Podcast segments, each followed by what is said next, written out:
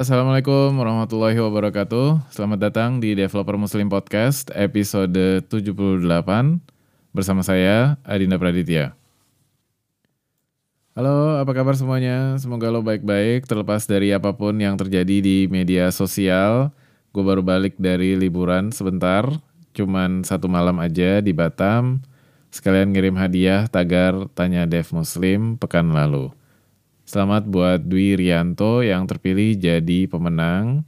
Dan makasih banyak buat lo semua yang udah berpartisipasi. Seperti yang udah dijanjikan, kali ini gue akan jawab pertanyaan-pertanyaan lo dari tagar Tanya Dev Muslim sama berbagi sedikit pengalaman gue untuk uh, bikin uh, event kali ya, bisa dibilang event gak sih? Ya. Makasih udah dengerin. Podcast ini bahas seputar developer, apa yang bikin mereka produktif, berkembang, dan peduli sama lingkungan. Cuplikan episode yang udah dirilis, sebagiannya bisa dilihat di instagram.com slash devmuslimid. Permisi, sebelum gue lanjutin, ada pesan-pesan sponsor dulu nih. Dengerin ya. Silakan mas, diputar. Makasih buat waktunya. Sekarang dengerin lanjutannya yuk.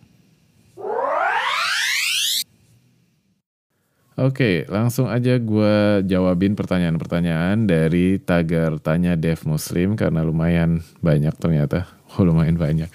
Cuma lima sih. Um, ya, yang pertama ada Hani Ramadan yang bertanya tentang perspektif pengembang perangkat lunak tentang regulasi kecerdasan buatan di Indonesia. Pertanyaan begini.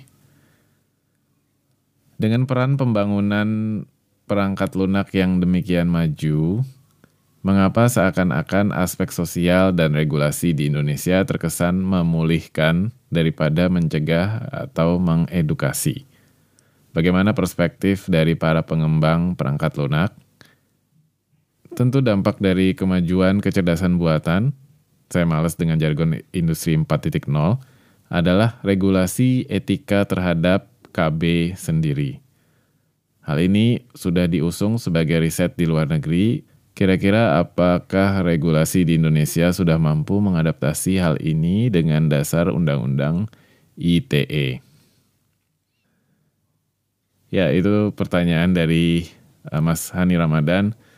Makasih udah berpartisipasi. Gue nggak terlalu jelas maksudnya memulihkan di sini apa. Cuma yang gue tangkap dari sini adalah uh, yang pertama, Kenapa aspek sosial dan regulasi di Indonesia belum mengedukasi keuntungan-keuntungannya atau mencegah bahaya-bahayanya? Terus yang kedua, apakah regulasi Undang-Undang ITE di Indonesia sudah mampu mengadaptasi kemajuan kecerdasan buatan? Uh, mudah-mudahan benar yang gue tangkap itu dua hal itu. Jadi pertama-tama gue bukan orang yang ngerti banget dibilang ini uh, belum pernah baca undang-undang ITE juga. Jadi sebagiannya aja juga belum, apalagi secara keseluruhannya gitu ya. Ya ini aja udah jadi masalah besar. Sebagai pengembang perangkat lunak, kita sangat berperan dalam menggunakan teknologi dan menyesuaikan dengan etika dan nilai-nilai yang dianut di Indonesia. Jangan hanya karena itu diaplikasikan di aplikasi-aplikasi yang dirilis di luar. Um, tapi kita juga perlu menyesuaikan, ya sama kayak menerjemah bahasa atau kalimat nggak sih? Karena maksud dari kayak penulis buku atau karangan atau tulisan itu harus disesuaikan dengan cara penyampaiannya juga di bahasa Indonesia gitu ya. Um, gue mengaitkan dengan hal itu. Jadi penggunaan teknologi itu juga harus disesuaikan sama etika dan nilai-nilai yang dianut di Indonesia. Gue belum melihat ada komunitas atau pergerakan yang uh, mulai mengkampanyekan kesadaran ini ke para pengembang perangkat lunak di Indonesia. Gue akan senang banget kalau emang ada dan pengen tahu kegiatan mereka. Menurut gue teknologi itu berkembang sangat pesat dan bidang yang paling lama untuk mengadopsi teknologi itu adalah sektor finansial, terutama bank, terus um, sektor kesehatan juga, dan sektor pemerintah, baik dari legislatif maupun eksekutifnya. Ini sangat umum terjadi secara global. Um, ya contohnya kita bisa lihat video tanya jawab Mark Zuckerberg dengan Kongres dan baru-baru ini juga Sundar Pichai uh, melakukan hal yang sama menjawab pertanyaan-pertanyaan dari Kongres di Amerika.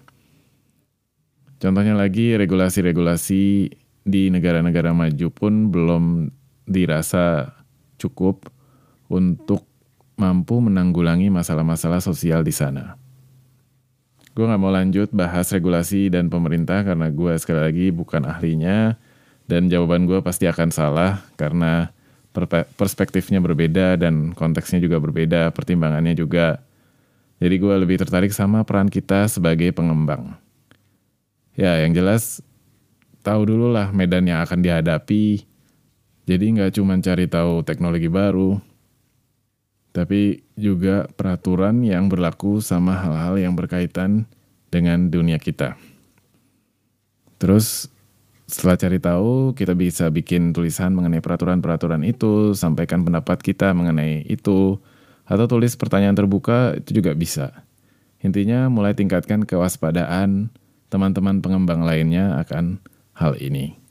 Gue rasa itu juga udah cukup untuk menyelesaikan masalah yang lebih besar lagi dan kalau kita nulis blog dan meningkatkan kewaspadaan itu, itu juga udah akan berdampak positif untuk kemudian harinya. Um, sebagai tambahan, tahun ini juga tim Berners-Lee bikin proyek namanya Solid untuk mendesentralisasi web. Gue saranin lo untuk lihat visi dan misi Inrupt, perusahaan di balik proyek ini, baca blognya dan mulai angkat iso ini di blog-blog kita gitu. Jadi hal-hal yang berkaitan dengan regulasi, pemerintah, eh, pengaturan data. Karena data adalah makanan dari uh, kecerdasan buatan kan. Kalau nggak ada data kita nggak bisa. Kalau nggak ada data, kecerdasan buatannya nggak akan bekerja dengan baik. Jadi buat teman-teman yang peduli sama topik ini dan mau membahas lebih lanjut bisa DM gue. Kita bisa kolaborasi untuk bikin rancangan pembahasannya di episode tertentu, rundownnya gitu ya. Gue akan seneng banget kalau bisa mulai dari hal-hal yang kecil-kecil dulu, tapi bisa semoga berdampak yang positif.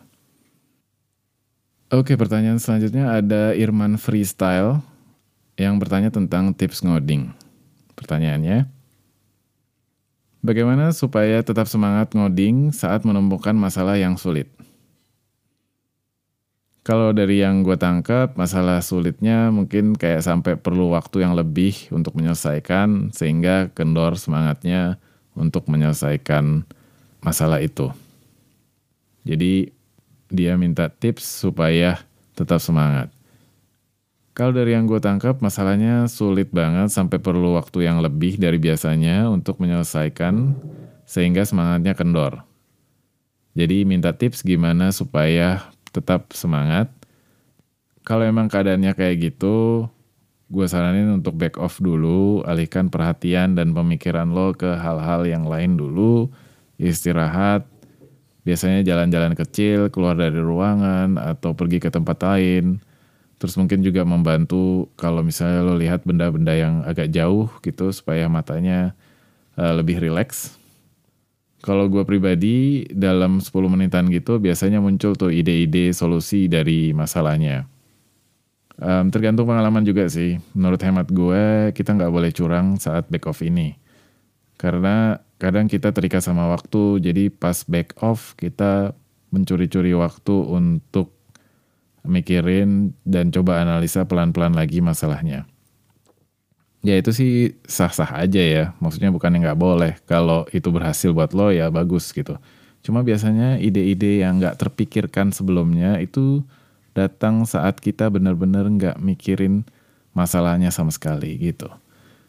Ya jadi itu tergantung orang masing-masing. Cuman yang jadi poin jawaban di sini adalah uh, coba back off dulu, nggak usah pikirin masalahnya, uh, istirahat dulu, jalan-jalan kecil atau aktivitas kayak lihat hal-hal yang objek-objek yang jauh.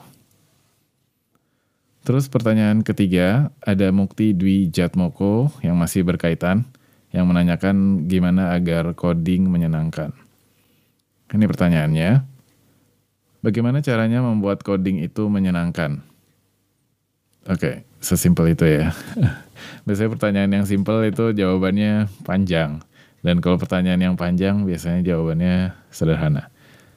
Oke, jadi supaya menyenangkan, yang pertama ya lingkungannya juga diusahakan supaya menyenangkan gitu ya. Ada yang uh, ada orang yang uh, perhatian banget sama hal-hal yang kecil di sekitarnya, jadi mengganggu konsentrasinya kalau ada hal-hal yang nggak bagus gitu ya, nggak enak dan mengganggu gitu ya.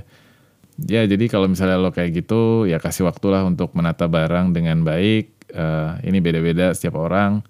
Ada orang yang toleran sama area di tempat dia coding, nggak um, peduli sama suara breezing atau hal-hal yang kelihatannya nggak rapi dan lain-lain, tapi dia tetap bisa ngoding gitu ya. Jadi ini juga perlu diperhatikan. Terus yang kedua uh, mungkin editor itu penting banget ya kan karena ya itu tempat kita menulis dan tempat kita ngoding. Selain editor juga ada peralatan bantuan lainnya, entah itu apa? Entah itu checker atau lint atau apa pun yang pokoknya bikin kita produktif dan efisien pekerjaannya. Terus yang ketiga, punya tujuan yang mau dicapai. Pecahkan jadi pekerjaan-pekerjaan kecil, kemudian fokus ngerjain satu persatu dengan teknik Pomodoro. Ini yang udah gue singgung pada saat live broadcast juga. Teknik ini udah sempat dibahas di episode 29. Silakan dengerin penjelasan lebih lanjut dan lihat catatan episodenya untuk referensi dan software apa yang bisa membantu itu ada di devmuslim.id slash episode 29. Lanjut ke pertanyaan keempat dari Dwi Rianto eh, yang nanyain tantangan terbesar developer di luar negeri dibandingkan di dalam negeri. Ini pertanyaannya. Apa tantangan terbesar developer untuk berkreasi di dalam versus di luar bumi pertiwi? Ya, bisa jadi jawaban gue nggak terlalu relevan karena terakhir gue kerja di dalam negeri itu sekitar tahun 2008. Pada waktu itu keadaannya lumayan jauh berbeda dari sekarang. Waktu itu gue punya pengalaman kerja juga 2 tahun. Jadi 2006 sampai 2008 dan itu di perkantoran pemerintah. Jadi jadi harap jangan jadikan jawaban gue sebagai patokan, jadikan uh, jawaban ini sebagai wawasan aja kali ya. Oke, jadi tantangan terbesarnya adalah budaya. Kalau kita kerja di dalam negeri, terkadang tuntutan profesionalisme itu kurang. Ya, itu yang gue rasakan pada waktu itu ya. Entah karena dianggap masih anggap teman ya kan karena nggak enak atau apa, kemudian juga masih sungkan dalam menyampaikan perbedaan pendapat atau ide baru terutama dengan atasan atau juga bawahan gitu ya. Bias budaya juga jadi tantangan tersendiri. Sepertinya kalau gue terusin akan jadi topik lain di podcast ini gitu ya. Jadi lebih baik gue kasih link video presentasi di Interaction Conference 2018 di Lyon, Prancis. Itu salah satu presentasi favorit dari banyak orang. Kalau lo punya waktu 30 menit dan lagi seneng sama topik ini, gue sangat menyarankan untuk nonton video judulnya Can Being African Make You Bad at Design? Walaupun bicara mengenai desain, tapi masih bisa dikaitkan dengan dunia development, terutama buat mereka yang bekerja di software house. Uh, gue sangat menyarankan untuk nonton ini benar-benar uh, menghibur dan benar-benar membuka wawasan kita. Baik, yang kelima ada Asrul yang nanya mengenai cara nolak tawaran perusahaan agar suatu saat kita bisa masih melamar ke perusahaan itu. Ini pertanyaannya. Bapak, saya full stack JS lulusan dari Hacktivate di Jakarta dan sekarang sedang belum ingin bekerja di tempat lain. Dalam kurung sekarang guru SMK tapi tawaran sangat banyak dan menggiurkan. Bagaimana menolak suatu saat Bagaimana cara menolak yang suatu saat kita masih ingin mengambil tawaran di perusahaan tersebut? Oke, jadi ya jawab aja dengan jujur, tapi yang penting dijawab semuanya. ya misalnya saat ini lagi senang ngajar anak-anak SMK agar apa misalnya ya sebutin aja alasannya apa gitu kan terus uh, bilang semoga sukses uh, perusahaannya itu intinya ya kalau ada tawaran ya jawablah dengan baik jangan mentang-mentang kita lagi nggak perlu pekerjaan itu atau kurang tertarik sama tawarannya uh, kita biarkan gitu ya. Ya gue juga pernah sih nyuekin email tawaran kerjaan gitu uh, buat lo yang merasa pernah gue cuekin uh, maafin gue ya. Uh, ya jadi waktu itu gue nggak peduli dan merasa terganggu gitu ya. Uh, terkadang waktu itu mungkin kayaknya belum jadi hal yang lumrah gitu dideketin sama perusahaan dan uh, ditawarin kerja gitu terkadang tawaran ini mengganggu gitu ya cuman sebisa mungkin balaslah email mereka sampaikan baik-baik um, taruh posisi lo sebagai orang yang ny lagi nyari calon pekerja. Itu aja sih, yang penting dijawab. Oke, itu aja udah lima pertanyaan dijawab. Mudah-mudahan udah semua. Um, sekarang gue mau nyampein uh, tanggapan gue mengenai tagar tanya Dev Muslim. Um, ya, jadi pertama itu tujuannya untuk menggalang tanggapan dari pendengar apakah itu masukan atau saran atau pertanyaan pokoknya pertanyaan dari lo semua gue sadar banget kalau ini juga bagian yang sangat penting tanggapan lo semua jadi penyempurna buat kualitas episode podcast ini. Makanya dari awal gue selalu mencari cara untuk menjalin hubungan dengan lo semua. Gue eksplorasi ide-ide yang masih asing buat gue sendiri. Um, di antaranya gue DM di Twitter sama sebagian besar follower gue percaya atau enggak. Ternyata itu bisa dilakukan karena ya follower gue kan nggak langsung nambah 100 gitu kan nambah 500 gitu kan. Um, jadi selama masih bisa dilakukan sedikit demi sedikit um, itu akan gue lakukan. Dan ya gue seneng sih bisa kontak satu persatu gitu secara pribadi gitu ya. Dan gue bener-bener pengen apa berhubungan dengan lo semua dan gak sedikit yang mengira kalau itu bot awalnya gitu. Karena mungkin terlalu generik gitu ya menyapanya. Terus di antara ide yang masih asing buat gue adalah ya bikin repository di GitHub agar rundownnya bisa lo lihat dan lo bisa nimbrung di sana. Terus akhirnya ide yang uh, bikin tagar tanya dev muslim ini. Dan akhirnya juga broadcast di Twitter secara langsung. Um, ya semoga cara-cara ini uh, bisa membuat lo merasa nyaman dan semoga gue udah cukup open sama lo semua untuk menyampaikan aspirasi atau kegundahan lo untuk podcast ini. Apakah terlalu banyak uh, bahas sesuatu topik atau um, apa pun yang bisa memperbaiki kualitas podcast ini. Jadi ini bukan apa dari gue doang gitu tapi gue pengen minta timbal baliknya juga dari lo dan bagi gue ya buat apa sih bikin episode tapi yang dengerin nggak ada gitu ya?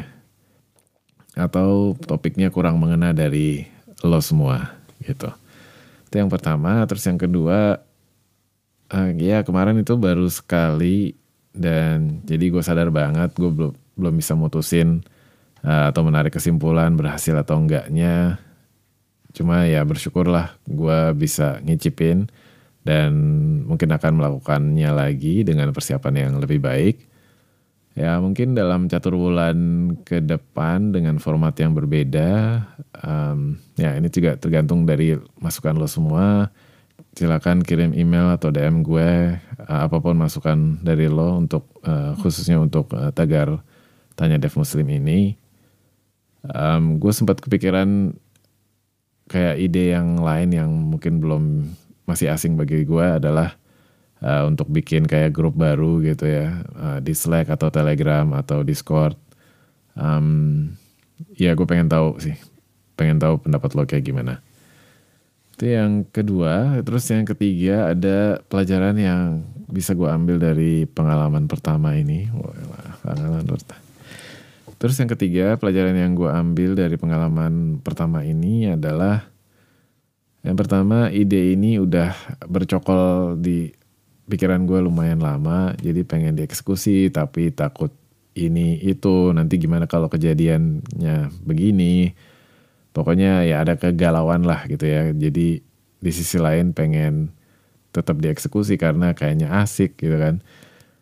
Sampai akhirnya gue mikir ini tuh keadaannya hampir mirip dengan awal-awal gue bikin podcast dulu jadi mulai aja perbaiki sambil jalan dan bla bla bla. Terus juga ada apa kata-kata bijak lah kalau misalnya nggak mulai ya lo nggak akan jalan gitu kan. Uh, dan ya benar sih ya mulai aja apa yang kita bisa dan siap menangani apa yang akan terjadi nanti. Itu yang pertama, pelajaran yang gue dapat pertama. Dan yang kedua, dengan mencoba ini gue jadi merasakan langsung dan nantinya bisa menganalisa apa yang seharusnya gue kerjain. Bisa membuat target dan daftar apa yang harus gue imitasikan. Ah, kok imitasi? Ya kata orang kan fake it until you make it gitu kan. Ya fake it ini ya berarti imitasi gitu. Karena gue bukan siapa-siapa, bukan belum jadi siapa-siapa gitu belum ahli dalam um, broadcaster. Jadi kalau gue belum punya daftar apa yang harus lo fake, lo imitasikan, kalau seolah-olah lo berpengalaman, ya gimana lo mau jalanin prinsip fake it until you make it, ya kan? Terus yang terakhir um, pas live ternyata cuma ada dua orang yang nonton yang lumayan agak lama jadi gue teringat dengan istilah yakni you ain't gonna need it. Istilah yang populer di software engineer yang terlalu memikirkan agak jauh gitu ya. Contoh klasiknya adalah saat baru bikin produk, udah mikirkan gimana kalau produk kita dipakai sama banyak orang.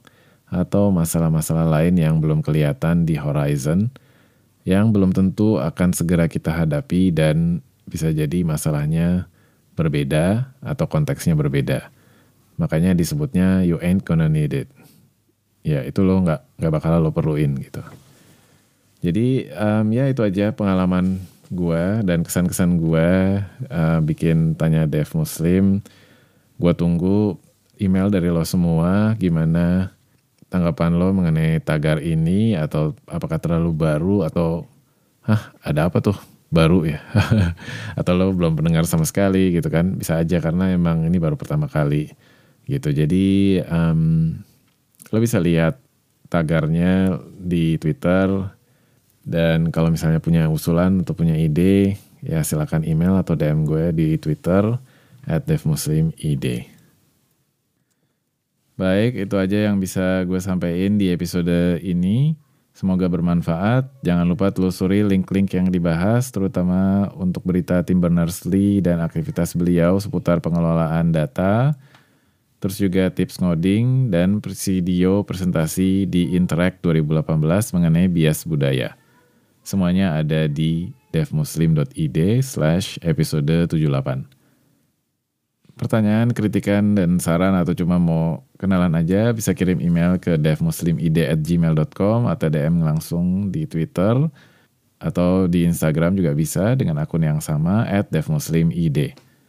Kalau belum ada bahan yang mau disampaikan, lo bisa lihat rundown topik-topik yang insya Allah akan dibahas di podcast ini. Itu ada di GitHub.